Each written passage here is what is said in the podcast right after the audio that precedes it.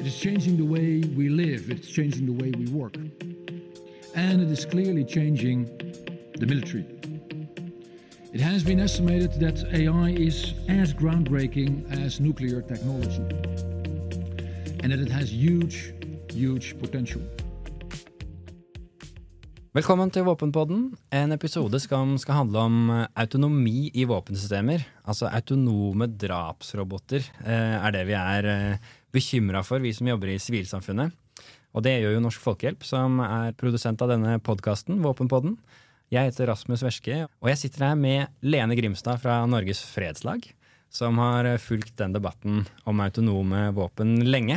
Lene, du og jeg vi har begge vært på reise i det siste. Vi har vært på mange av de store internasjonale møtene som foregår om autonomi i våpensystemer, hvor stater posisjonerer seg og diskuterer hvordan man eventuelt skal regulere dette.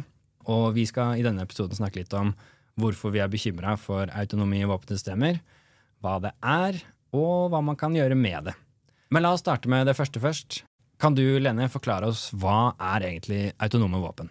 Et autonomt våpensystem det er et system som kan utpeke og bruke makt mot et eh, mål uten at operatøren av det systemet foretar seg noe videre. Det er et autonomt våpensystem. Så det er jo da egentlig en egenskap ved et system, eller en kvalitet, om du vil, som kan puttes inn da i ulike våpenplattformer, egentlig. Inn i en stridsvogn, inn i en eh, militærdrone, f.eks., så opp i, i luft, luftmakt, eller ut på sjøen. Og da kan det jo f.eks. være et overflatefartøy. Så det er, en, det er rett og slett en, en egenskap eller en funksjon som vi kan putte inn i en våpenplattform. Som da får mulighet til å utpeke og bruke makt mot et mål. Og da fortrinnsvis et militært mål, som det er lov til å rette seg inn mot. Eh, men hvordan funker egentlig det? Altså, hvordan skal dette våpenet finne ut av eller dette systemet da, finne ut hvem som, eller hva som skal angripes? Så En essensiell eh, komponent er jo da sensorer, som kan sense omgivelsene etter det objektet som, eh, som vi ønsker at det skal finne for oss. Så sensorer kan vi liksom tenke på som en viktig, en viktig del. Og Da går det f.eks. an å tenke bare helt innledningsvis, da, sammenligne det litt med et eh, varmepanel som du har eh, hjemme, hvor du kan ha temperatursensorer som senser temperaturen i det rommet som du eh, befinner deg i. Og, og, da kan justere temperaturen. ikke sant? Så sensorer hjelper oss med å lese omgivelsene våre. Ja, så da har jeg trykt på start. ikke sant? Jeg har sagt til panelovnen min at jeg vil ha 20 grader i rommet, og så spør ikke den meg noe mer om, eh, om, hva den skal gjøre. Den bare prøver å lage det 20 grader varmt hjemme hos meg. Er det sånn eh, vi kan forstå sensorer? Ja, sånn kan vi forstå sensorer. Eh, med utviklingen av teknologi så får vi jo flere typer sensorer. Og vi kan, vi kan sette ut de sensorene på større områder enn bare inne i leiligheten din. Så, så plutselig så kan vi være ute og sense inn veldig mye mer om omgivelsene våre. Så vi kan være interessert i å finne ut av om det befinner seg et skip der, f.eks. Hvis vi ser for oss at vi bruker sensorer eh, på en våpenplattform ute på, på havet. Vi ønsker å, å, å, kjenne igjen det. Det kan vi bruke radarer eksempel, som en type eh, sensorikk. Da får vi plutselig flere ulike typer sensorer som senser omgivelsene våre. Og da får vi etter hvert også ganske mye sensordata, eller sensorinput, som det hadde blitt ganske mye for operatører å sitte og prosessere alene. Vi klarer ikke det, selv om det er en kognitiv funksjon vi mennesker har, å klare å, å lese omgivelsene våre. Men der kan jo da en maskinanalyse hjelpe til med at den både med, med størrelsen av sensordata som man, man, kan prosessere, og også hvor raskt det kan gå. Men for å få til det, så må vi videre på et nytt på en måte komponent.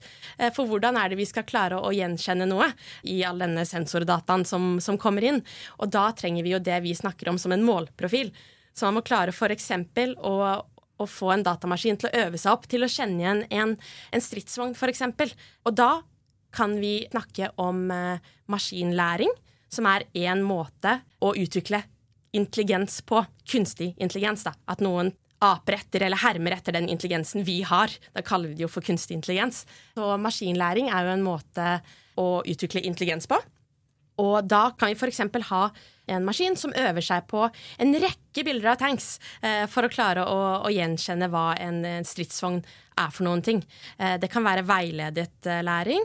Hvis vi ser for oss da, Det er et eksempel som ofte brukes, da, med en hund som har fire ben, og fugl som har to ben og to vinger, og, og øve på at maskinen skal klare å kategorisere, få, få en rekke bilder å, å, øve på, og klare å plassere de riktig sted. Sånn at maskinen lærer seg å, å identifisere eller kjenne igjen akkurat den målprofilen, eller det objektet vi ønsker. Så det er jo også et komponent som må med, da, denne, denne målprofilen. For da har vi plutselig sensorinput fra omgivelsene våre.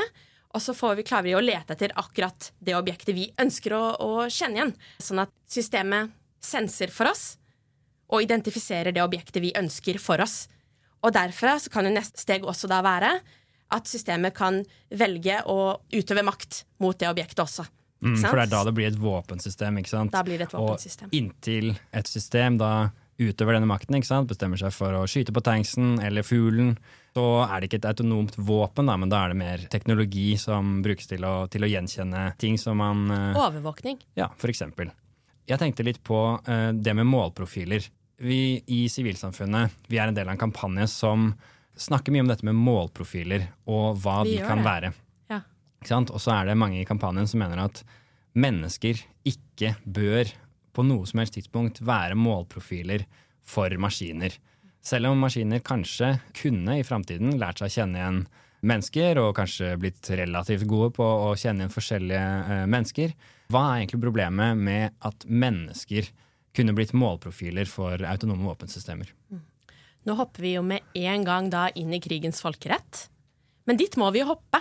For selv om eh, det verste skulle skje, og krigen bryter ut, så har vi jo krigens folkerett, som har noen prinsipper der eh, som stater forpliktet, har forpliktet seg selv til å følge. Distinksjonsprinsippet er jo en av de. Man skal kunne hele tiden skille mellom sivile og stridende i en krig. I tillegg så skal jo også den stridende det, er jo ikke en satt identitet du har, det å være stridende. Det er noe du kan skli inn og ut av. Du kan også bli skadet, og da er du ikke lenger aktiv i striden. Og da har du rett på en annen beskyttelse igjen eh, under krigens folkerett. Så det å gjøre å ha en, ha en, maskin som øver seg på å identifisere mennesker, og, og ha det som en målprofil, det syns vi er veldig bekymringsfullt. Fordi det er ikke en satt identitet på samme måte som en stridsvogn f.eks. er det, eller en militær drone er det. Så vi mener at mennesket bør beskyttes fra autonome våpensystemer, og at det bør være noe, et, en antipersonellinje som trekkes der. På den, det vil vi ikke bruke. Den bruken ønsker vi ikke at skal være lov for autonome våpensystemer. Det får meg faktisk til å tenke på et annet våpensystem som har antipersonell egenskap og et våpensystem som Norsk Folkehjelp har jobba med i 30 år nå. Og da tenker jeg selvsagt på antipersonell landminer. De har jo blitt designa for å angripe mennesker, for å ta ut fortrinnsvis soldater og sinke framrykning til til en hær. Fordi folk blir ofte skada og ikke drept, så det krever mye logistikk å frakte ut skadde soldater som har tråkka på miner. Så det er et grusomt våpen. Problemet som Norsk Folkehjelp og veldig mange har innsett, er jo at dette våpenet klarer ikke å skille mellom sivile og militære, akkurat som du sa. Og jeg tror det har litt med målprofiler å gjøre, da. Fordi eh, hvordan som en mine funker, er jo at vekt blir lagt oppå toppen av minen, som gjør at eh, den går av. Gjerne f.eks. 10 kilo eller en snubletråd som eh, noen tråkker i. Og det er nok til å sette av en mine. Problemet der er jo at den er lagd for å skade mennesker. Men mennesker vet ikke når denne volden da, og denne makten blir uh, utført. Så, så fort en mine er lagt, så kan den jo ligge der i fem år, og krigen er kanskje over før et barn eller et dyr eller uh, hvilken som helst annen sivil trakker på det og skades. Så jeg mener jo at det med å ha menneskelige målprofiler når man ikke har menneskelig kontroll også, det har vi allerede eh, ganske klare retningslinjer, faktisk en internasjonal traktat som forbyr eh, antipersonell landminer. Og det har også skapt en veldig sterk norm eh, mot at denne type våpen blir ansett som uakseptable. Og selv land som ikke har skrevet under på traktaten, har slutta å bruke antipersonell landminer. Både fordi de ja, ikke skiller mellom sivile og militære, men også fordi de har denne menneskelige målprofilen, mener jeg, da, at eh, den skal man ha kontroll på når mennesker skal skal dø på et eller annet tidspunkt i krig eller, eller uh, når som helst, så, så, er det naturlig at det ikke er en maskin eller en sensor som bestemmer det. da. Ja, for det er jo også i et autonomt våpensystem så vil jo det også være en reduksjon av hva et menneske er. Om det enten er ti kilo, som er Da mener vi at vi har identifisert et, et menneske. Eller den type målprofil det vil være eh, i et autonomt våpensystem. For oss, det vil også være en reduksjon av hva et menneske er. Den måten å bli senset på og redusert til datapunkter. Et begrep vi kan bruke for det, er at det er en type digital dehumanisering av deg som reduserer deg til, til datapunkter som det deretter tas en beslutning på bakgrunn av, eh, som kan skade deg. At det skal være individet i, i krig, det er noe vi har, er bekymret for i, i, vår kampanje, og ønsker å opprettholde den normen som alle, allerede er bygd, holde den høyt. Ikke sant, At det er der grensa skal gå. og at eh, For meg så blir det en slags altså Du var inne på krigens folkerett i stad, men eh, blir ikke dette her en litt mer sånn moralsk og etisk eh, grense som man trekker? Fordi mennesker angripes jo i krig, det, det vet vi jo. Og noen ganger feilaktig. Men eh, soldater er jo selvfølgelig mennesker, de også. Og de kan være legitime mål. Men kan du si litt mer om problemet med å bruke autonome våpen til å angripe mennesker? Et resonnement som jeg eh, noen ganger eh, drar når jeg prøver å, å svare på, på, akkurat det, da, så er det det med at mennesket har, en, har jo en rett til liv, og en rett til å ikke vilkårlig frarøves eh, livet sitt. Og det er jo den retten til liv som gjør at du har lov til å ta liv, som stridende i eh, en konflikt. Og hvis man gir den retten, det er jo en linje man kan si da, hvis man gir den retten da over til et våpensystem som egentlig ikke har en rett til å forsvare sitt liv, eh, men allikevel får, får ta ditt, eh, så er det en svekkelse av den, den andre Altså, den maskinen har egentlig ikke en rett til å forsvare sitt liv overfor deg, og dermed heller ikke en rett til å ta liv. Og så trekkes det ofte, ofte også frem noe som heter Martens-klausulen, som sier at i møte med ny, eh, med ny våpenteknologi så skal mennesket eh, beskyttes av den offentlige samvittighetskrav. Det er knyttet til det her med at mennesket har en, en iboende verdighet. Det er også knyttet til at hvis vi tar fra noen den verdigheten, så går det utover Da mister alle litt av sin verdighet. Hvis vi kan redusere mennesket på den måten eh, i en krig. Sånn at en maskin som ikke har rett til å beskytte sitt liv, kan ta et annet Kan ta et menneskeliv. Um, sånn at da, da, mister vi på en måte alle sammen litt av den beskyttelsen vi, vi har. Så det er også et uh, fundament som vi bygger på. Mm. Absolutt. Og den klausulen du nevnte nå, den er jo en del av uh, det internasjonale humanitærrettssystemet som du nevnte. Det stemmer. Og som blir brukt litt sånn overordna. Når man ikke har en egen regel om noe, så skal krigens folkerett fortsatt ses i lys av det du sa nå. Mm. Man, uh, man, man, åpner ikke for noe frislipp bare fordi man ikke hadde en regel som passa akkurat her. Men eh, det jeg vet mange lurer på når det kommer til autonome våpensystemer, det er jo hvor langt denne teknologien har kommet. Og er det noe vi ser brukt i krig i dag, eller er det noe man forventer at skal eh, komme veldig snart, eller er dette veldig langt fram i tid fortsatt? Altså, hvor er vi i bruk av autonomi i, i krig i dag? Det er jo ikke noe helt nytt, egentlig. Eh, ofte så kan man peke tilbake til 70-tallet til og med, og til et nærforsvarssystem som heter Phalanx, som er da på et, eh, et krigsskip som jo er veldig sårbart, ikke sant, midt ute på, på, havet. Og da er Falangs et nærforsvarssystem som, som uh, igjen bruker sensorer, ikke sant, for det var jo et komponent i et autonomt våpensystem. Og da er det jo radarer, uh, eller radar, som det, det Falangs har, da, det nærforsvarssystemet. Og da kan uh, identifisere innkommende missiler og beskytte det skipet. Og så må vi jo komme over på menneskelig kontroll, på en måte. Så jeg skal bare raske meg og si allerede nå, da, at det systemet er jo begrenset i tid. Det er en operatør på skipet som aktiverer det, ikke sant. Det er begrenset i rom. Det står fast på det skipet. Det er begrenset hvilke målprofiler det våpensystemet har, ikke sant. Det er hovedsakelig missiler som det våpensystemet skal, skal kjenne igjen. Så da kan vi jo si at det er i tråd med god statlig praksis. Eh, det, det er regulert, det er menneskelig kontroll over det våpensystemet. Så det kan vi peke tilbake til til 70-tallet og si at det kan være et eksempel på et autonomt våpensystem. Og så ser vi jo i dag med teknologiutviklingen vår, vi får autonomi i flere og flere funksjoner, og at det er på, på vei inn i, i, forsvaret vårt i en mer skytende fart enn da. Eh, så vi får flere typer våpenplattformer som vi kan eh, ha autonome våpensystemer på. Plutselig så er vi på land også. Vi kan snakke om stridsvogner, vi er i luft, vi kan snakke om eh, militære droner.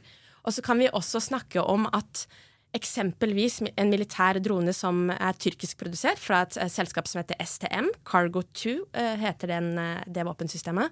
Eller den um, militære uh, dronen. Det er en kamikaze-drone. På norsk sier vi kanskje en selvmordsdrone, fordi den dykker ned uh, når den har funnet det, den målprofilen som den, den søker etter. Men den kan operere lenger. Den kan søke i et territorium i en lengre periode. Og så ser vi også at det territoriet den kan søke i, blir større. Og at også målprofilene blir mer komplekse. Det kan bli flere militære eh, mål, eller flere, flere målprofiler, som det våpensystemet kan søke etter. Så vi ser liksom at det skaleres opp. Og da er vi også bekymret for at den menneskelige kontrollen på en måte blir borte. Og så ønsker vi å begrense det, ikke sant? regulere det. Sånn at vi kan si at vi har nok menneskelig kontroll til å vite. For når vi, når vi øker dette i tid og rom, og gitt at det er et autonomt våpensystem, så vet vi ikke akkurat hvor, vi vet ikke akkurat når, og vi vet ikke akkurat hvilke mål det er det autonome våpensystemet kommer til å angripe. Så det er det, er det som gjør, eh, gjør, det bekymringsfullt. Det er det vi ønsker at stater Det er det stater diskuterer, egentlig, eh, i den internasjonale FN-prosessen. Hva slags type begrensninger vi må ha her. For å si at vi fortsatt har menneskelig kontroll. For, si at, for det må vi jo ha, ikke sant? For å kunne oppfylle humanitærrettens krav, da, som vi har satt til oss selv. Mm. Mm. Veldig interessant. Du, eh, nå er vi inne på eh, noe av det som denne sivilsamfunnskampanjen, som både Norsk Folkehjelp og Norges Fredslag er en del av, denne eh, Stop Killer Robots-kampanjen. Kan du ikke si litt om den kampanjen? Fordi, altså, hvem er det som er med i den kampanjen, og hvorfor ble den oppretta? Hva er det den jobber for, denne kampanjen? Mm. Den, eh, den, kampanjen den ble etablert i, eh, tilbake i eh, 2012. Og året etter så sto FNs spesialrapportør, daværende spesialrapportør, for utenomrettslige og vilkårlige henrettelser på talerstolen i FNs menneskerettighetsråd og advarte om utviklingen av autonome våpensystemer. Så på den tiden her så eh, var det flere som så inn i eh, militære veikart og så at her var det på en måte planer for, eller at man så eh, muligheter for å utvikle teknologi som, som, gikk i denne retningen. Og da var jo også sivilsamfunn tidlig ute eh, med å lage en kampanje for å også selv sant, forstå og adressere den, den, utviklingen. For jeg mener jo at sivilsamfunnet har en rolle i det. Vi har jo tidligere klasevåpenkoalisjon dette vet jo dere i Norsk Folkehjelp eh, mye bedre enn meg. Og også Landminekampanjen. Så dette er, en, dette er, en, helt vanlig måte for sivilsamfunn å jobbe på. Eh, og sivilsamfunn er jo da også med på å bidra med sin forståelse ved siden av stater som jobber med sin forståelse. ikke sant? Sånn at der kan man spille, spille på lag, eller bidra inn, da. Ja, Du nevnte jo eh, to andre kampanjer som er godt kjent, og som Norsk Folkehjelp har vært en del av også.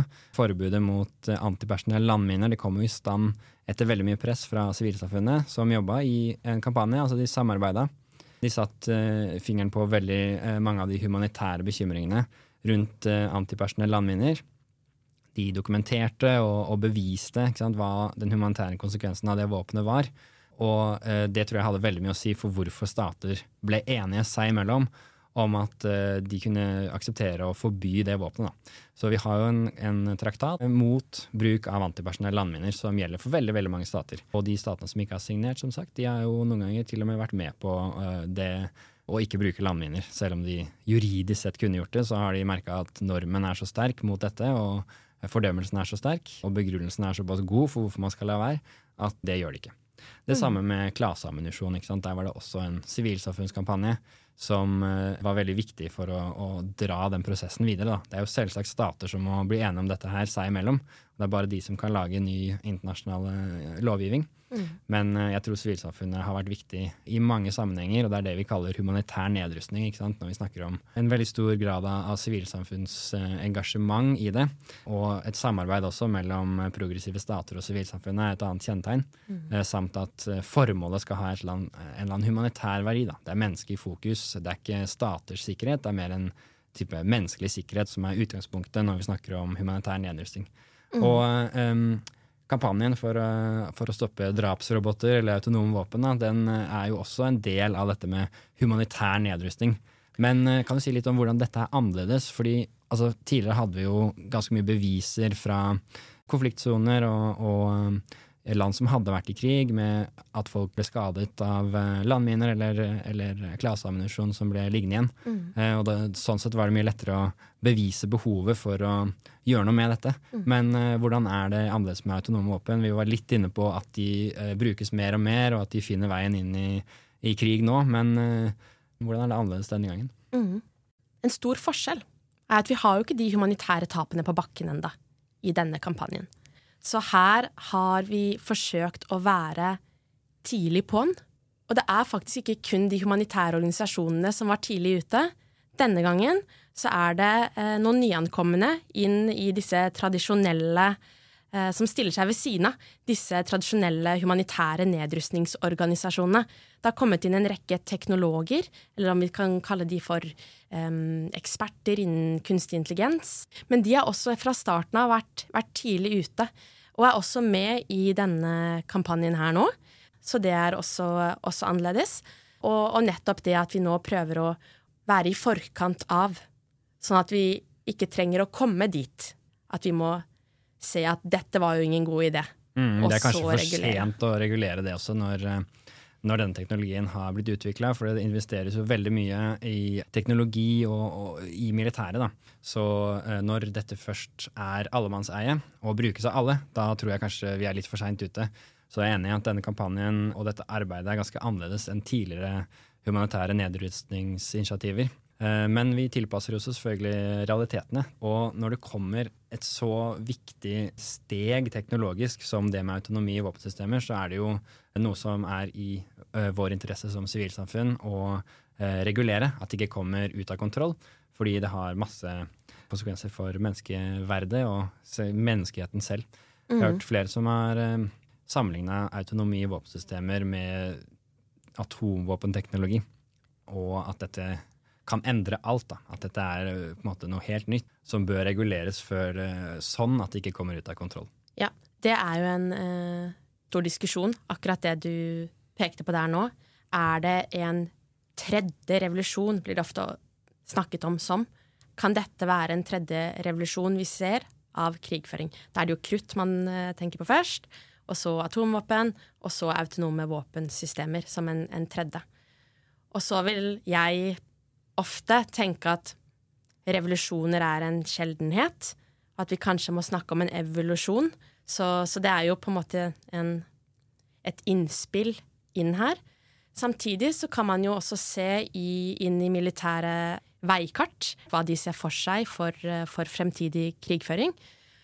Og hvis vi plutselig kan se for oss da planer om svermteknologier, at det skaleres opp i et sånt nivå, så kan det jo i hvert fall gå an å snakke om en vesentlig endring, kanskje, av måten vi fører krig Mm. Men ja, vi i Sivilsamfunnskampanjen vi ønsker jo å ha kontroll på våpenbruk, at stater skal ha det, og ting ikke skal komme ut av kontroll. Vi ønsker å bevare et minimum, minst, av menneskeverd, og vi ønsker at uh, den standarden, minstestandarden som fins i, i, krigens folkerett, skal opprettholdes og gjerne utvikles. Så er det jo noen som argumenterer med at autonome våpen kan være en fordel hvis man ønsker å beskytte sivile, hvis man ønsker å uh, angripe mer presist, kanskje skåne sivile, sånn at de ikke eh, blir, en, uh, blir, en, del av krigen i, i, så stor grad de er i dag, med bruk av upresise våpen som man ikke helt er sikker på hvor treffer, f.eks. Så hva er det man kan si om fordelene med autonomi i våpensystemer, da? Jeg tenker at vi annet kan snakke om raskere reaksjonstid at eh, prosesseringen av omgivelsene våre, forståelsen av, omgivelsene våre, kan gå fortere. på et vis. Hjelpe oss i beslutningstagningen vår. ikke sant? Og kunne få prosessert og forsøkt å innhente kunnskap om hva man har rundt seg, raskt. Det med å bare innrette seg mot noen type militære mål kan jo øke en type presisjon, eller at man slipper å treffe, for, treffe mer enn man må. Og så er det jo også flere som snakker om det å skåne egne stridende hvis man kan. At det også er en grunn til å gå i den retningen. I starten av eh, episoden, helt før vi begynte å prate, så hørte vi et utdrag fra uh, utenriksministeren i Nederland, som åpna uh, en stor konferanse. Den het ReAim, og både Lene her og jeg var til stede. Og det fins massevis av disse møtene nå for tiden. Vi i sivilsamfunnet vi drar dit ofte, men det er møter som primært er for stater, hvor de diskuterer disse sakene seg imellom. Vi i sivilsamfunnet er der for å prøve å forstå, prøve å legge press på, og prøve å styre debatten også litt i den retninga vi vil ha den når disse møtene skjer. Men jeg lurer på eh, om vi kunne snakke litt om alle disse tingene som skjer internasjonalt. fordi nå begynner det å bli mange flere enn oss i sivilsamfunnet som anerkjenner at en eller annen slags form for regulering trengs når det kommer til autonomi i våpensystemer. Så kan du ikke starte med Haag. Hva var det vi gjorde der, og, og hva skjedde? Og så har jo du vært på møte i Costa Rica like etterpå, Lene. Absolutt. Um, vi var jo reist ut til Haag for en liten stund siden nå. Og så sa jo du at den het Re-aim, og det står for ansvarlig bruk av kunstig intelligens i det militære domenet. Så det var en konferanse som gikk ganske eh, bredt ut med tanke på tematikk. Det var jo hele det militære domenet. Nå handlet ikke den konferansen om autonome våpen spesielt, men Nederland, det er ikke lenge siden Nederland kom ut med sin egen nasjonale posisjon, og de ønsker jo å jobbe frem en eller annen type forbud mot autonome våpensystemer. Så dette er ganske nært beslektet, men selv om denne, denne konferansen da, var ganske, ganske bred. Så det er den første i en, måte, en, serie av møter som har vært utenfor et spor som har pågått i FN. Så jeg vet at du også har fulgt møtene i FN, og da har vi jo særlig den konvensjonen som er for konvensjonelle våpen. FNs konvensjon for konvensjonelle våpen, eller CCW. De har diskutert også i en eh, rekke eh, år dette temaet. Og nå begynner jo stater da å arrangere sine egne møter utenfor. Men hvorfor tror du de gjør det? Jeg tror det handler litt om eh, den prosedyreregelen som eh, stater jobber um, under innenfor denne FNs våpenkonvensjon. Prosedyreregel det betyr egentlig hvordan de skal beslutte ting sammen. Og der må de beslutte det med konsensus. så Det betyr jo da at alle sammen må være enige innenfor denne konvensjonen. Det er jo positivt fordi da blir alle sammen med rundt bordet. Og så er det også veldig sårbart fordi én egentlig kan si nei, og da da får man egentlig ikke ned noe av det man har blitt enige om på papiret. Og nå har jo stater diskutert der helt siden 2014, hvor de startet møterekkene sine der. Så de har jo, den samtalen har egentlig modnet seg veldig. Og det er ganske mye som mange land er enige om. Det er annet 86 land nå som ønsker at det, de skal, eh, det vi skal gjøre i møte med autonome våpensystemer, er å forby en del bruk av autonome våpensystemer. Men det er ikke på papiret i de rapportene der inne. For det er ikke alle som er enig. Og Derfor så ser vi jo nå at stater også eh, begynner å ha møter utenfor våpenkonvensjonen. Så det møtet i, um, i Haag det handlet ikke om um, noen av de sporene. Det handlet ikke om det, FNs, Innenfor FNs våpenkonvensjon så kan stater bli enige om å begrense eller forby bruken av visse våpentyper. I Reaim så snakket, um, snakket man om hvordan kan man ha tillit til våpensystemer, eh, hvordan kan man være ansvarlige når man bruker våpensystemer, hvordan kan man forklare våpensystemets oppførsel, og hvordan man da kan få til en god praksis med det når man utvikler egen, egne våpensystemer nasjonalt. Så det handlet om, om selvregulering, først og fremst, på Reaim innenfor FNs våpenkonvensjon så snakker man jo om mer begrensninger som man blir enige om sammen, og forbud man blir enige om sammen. Mens der er jo dette konsensusprinsippet da, som gjør at det blir vanskelig å, å, å faktisk uh, få dette framover. Spennende. Og eh, vi var begge i, i, Haag, som du sa, men like etterpå så dro du videre til Costa Rica. Eh, der var det et regionalt møte mellom stater. Kan du si litt hva du opplevde der? Så det var det første eh, regionale møtet om autonome våpensystemer spesielt noensinne. Så nå, nå møttes Costa Rica og alle landene i Latin-Amerika og Karibia. Så Karibien og Latin-Amerika hadde et regionalt møte hvor de kom ut med et kommuniké, altså en felles politisk uttalelse, om at de ønsker å gå inn for å forby en del bruk. Altså de ønsker et juridisk bindeinstrument som et svar på utviklingen av autonome våpensystemer. Der noe bruk da eh, forbys og annet reguleres. Så det Nå har en region hatt en felles uttalelse. Og så reiste også andre land ned for å, for observere dette møtet. Eh, så det var også en rekke land som dro ned for å få dette med seg. Men så var jo også eh, kampanjen der og hadde sitt eget globale møte. Så dette er det fjerde globale møtet som sivilsamfunnskampanjen vår har, har hatt. Og det er, jo, eh, det er jo litt sånn det ofte ser ut eh, når, når, prosesser begynner å Eller stater begynner å ha konferanser utenfor eh, FNs våpenkonvensjon.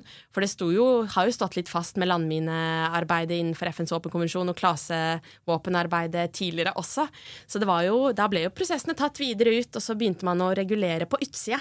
Man lagde et, et juridisk bindende instrument utenfor FNs våpenkonvensjon, som man fikk stater til å signere og ratifisere. Og så tok man det inn igjen i det offisielle traktatsystemet etterpå. Så var det sånn man fikk fram landmine- og klasevåpenforbudene. Så sivilsamfunnet er veldig opptatt av å, å, å støtte de eh, landene som nå viser politisk lederskap. Så, så, vi hadde vårt globale møte der. Og der var det jo samlet var vi en 60-70 campaigners, aktivister fra uh, ulike land i, i, hele verden, som møttes der for å, for å jobbe med kampanjen vår. Mm. Hvilke land er det som er progressive, mener du, når det kommer til uh, regulering av autonome våpen? Det er, uh, det er, flere altså Det er jo 80, 86 land per nå da, som, som har eksplisitt sagt i et FN-forum, enten da under FNs generalforsamling eller innenfor FNs våpenkonvensjon, at de ønsker et juridisk bindende instrument som et, som et svar på dette. Så jeg vil jo si at alle de landene er eh, progressive land. Og utenfor det så er det jo også eh, stater som jobber med sin nasjonale posisjon. Norge er jo et av de landene som eh, har i Hurdalsplattformen å ta nødvendig initiativ for å regulere utviklingen av hel- og halvautonome våpensystemer, står det der. Så, så, Norge er jo i et kartleggingsarbeid nå, så vi vet jo ikke helt hva Norges posisjon skal bli, da. Så i denne episoden så har vi snakka litt om hva autonome våpensystemer er for noe. Vi har snakka om at det skjer mer og mer internasjonalt. Og vi i sivilsamfunnet fotfølger stater. Vi eh, tralter etter der hvor de drar, og prøver å påvirke der vi kan. Og så skal vi prøve å holde deg som lytter oppdatert på hva vi observerer, og, og hvordan vi forstår det som skjer på regulering av autonome våpen. Du kan skrive oss på vpodden at npaid.org hvis du har innspill eller spørsmål som du ønsker at vi skal ta opp eh, i podkasten vår.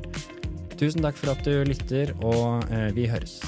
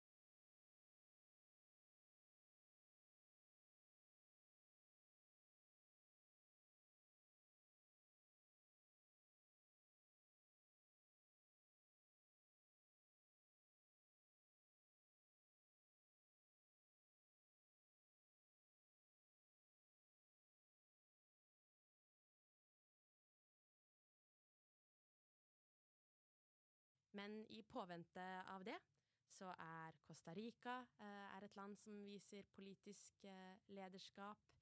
Eh, og i Europa så har vi liksom noen land som vi kan, kan begynne å se til også her. Um, Sveits er et land som, um, som har en positiv um, posisjon om autonome våpensystemer. Uh, Irland er aktive. Luxembourg begynner å bli oh, ja, Kan jeg trekke meg? Ja, selvfølgelig. Sorry. Uh, for jeg klarer, jeg klarer, ikke å huske alle landene som nei, er progressive. Nei, men det er bra. Jeg kan uh, finne det fram, men jeg klarer ikke å huske. For du trenger ikke ta uh, så veldig i, i landeksempler. Nei, jeg men, trodde det var det du ville ha. skjønner du? Jo, jo, men bare hvis, kun, hvis du huska tre-fire, liksom. Folk husker ikke så mange mer enn det uansett. For da kan jeg liksom si Ja, men det er bare at det er jo ja, jeg føler det er veldig politisk hvem man ja, ja, men, men, det er politisk. ikke sant? Det er jo også at Norge er i en kartleggingsfase, og de, vi, vi vet ikke helt hva de mener. Men jeg, kanskje vi ikke skal si noe om det? Eh, egentlig? Jo, jo, jeg syns vi skal det. Okay. Jeg synes vi skal det. Okay. Men det uh, kommer an på hva du er komfortabel med. å ha nei, nei. Jeg bare skulle ønske jeg klarte å si noe mer enn Costa Rica. Ja, ja, det er sant. Um, men, uh... um, men det er en veldig bra forklaring på den internasjonale prosessen. Det er supert. Oh, ja. Det er okay, veldig, veldig tydelig. Husker ikke hva jeg sa engang. Uh, du sa veldig mye bra. Så, bra. så det funker dritbra. Vi Perfekt. kan ha det som en slags avslutning også på ja. denne episoden. Ja. Uh, Var det dumt at jeg gikk tilbake til Nederland og snakket om uh, Nei, nei. nei. Men, men, vi kan, vi kan prøve å bare spille inn kjapt en, en, slags outro, en slags kladd, om hva vi har snakka om. Ja. og kanskje om hva vi skal snakke om videre, da. Ja. Fordi jeg tror vi er, har liksom mye mer å si på hvordan disse våpnene fungerer, og hvordan møtene funker, mm. og hvordan liksom diplomati og eh, utvikling av regulering. Eh, hvordan det foregår, da. Mm. Så jeg prøver å oppsummere. Ja.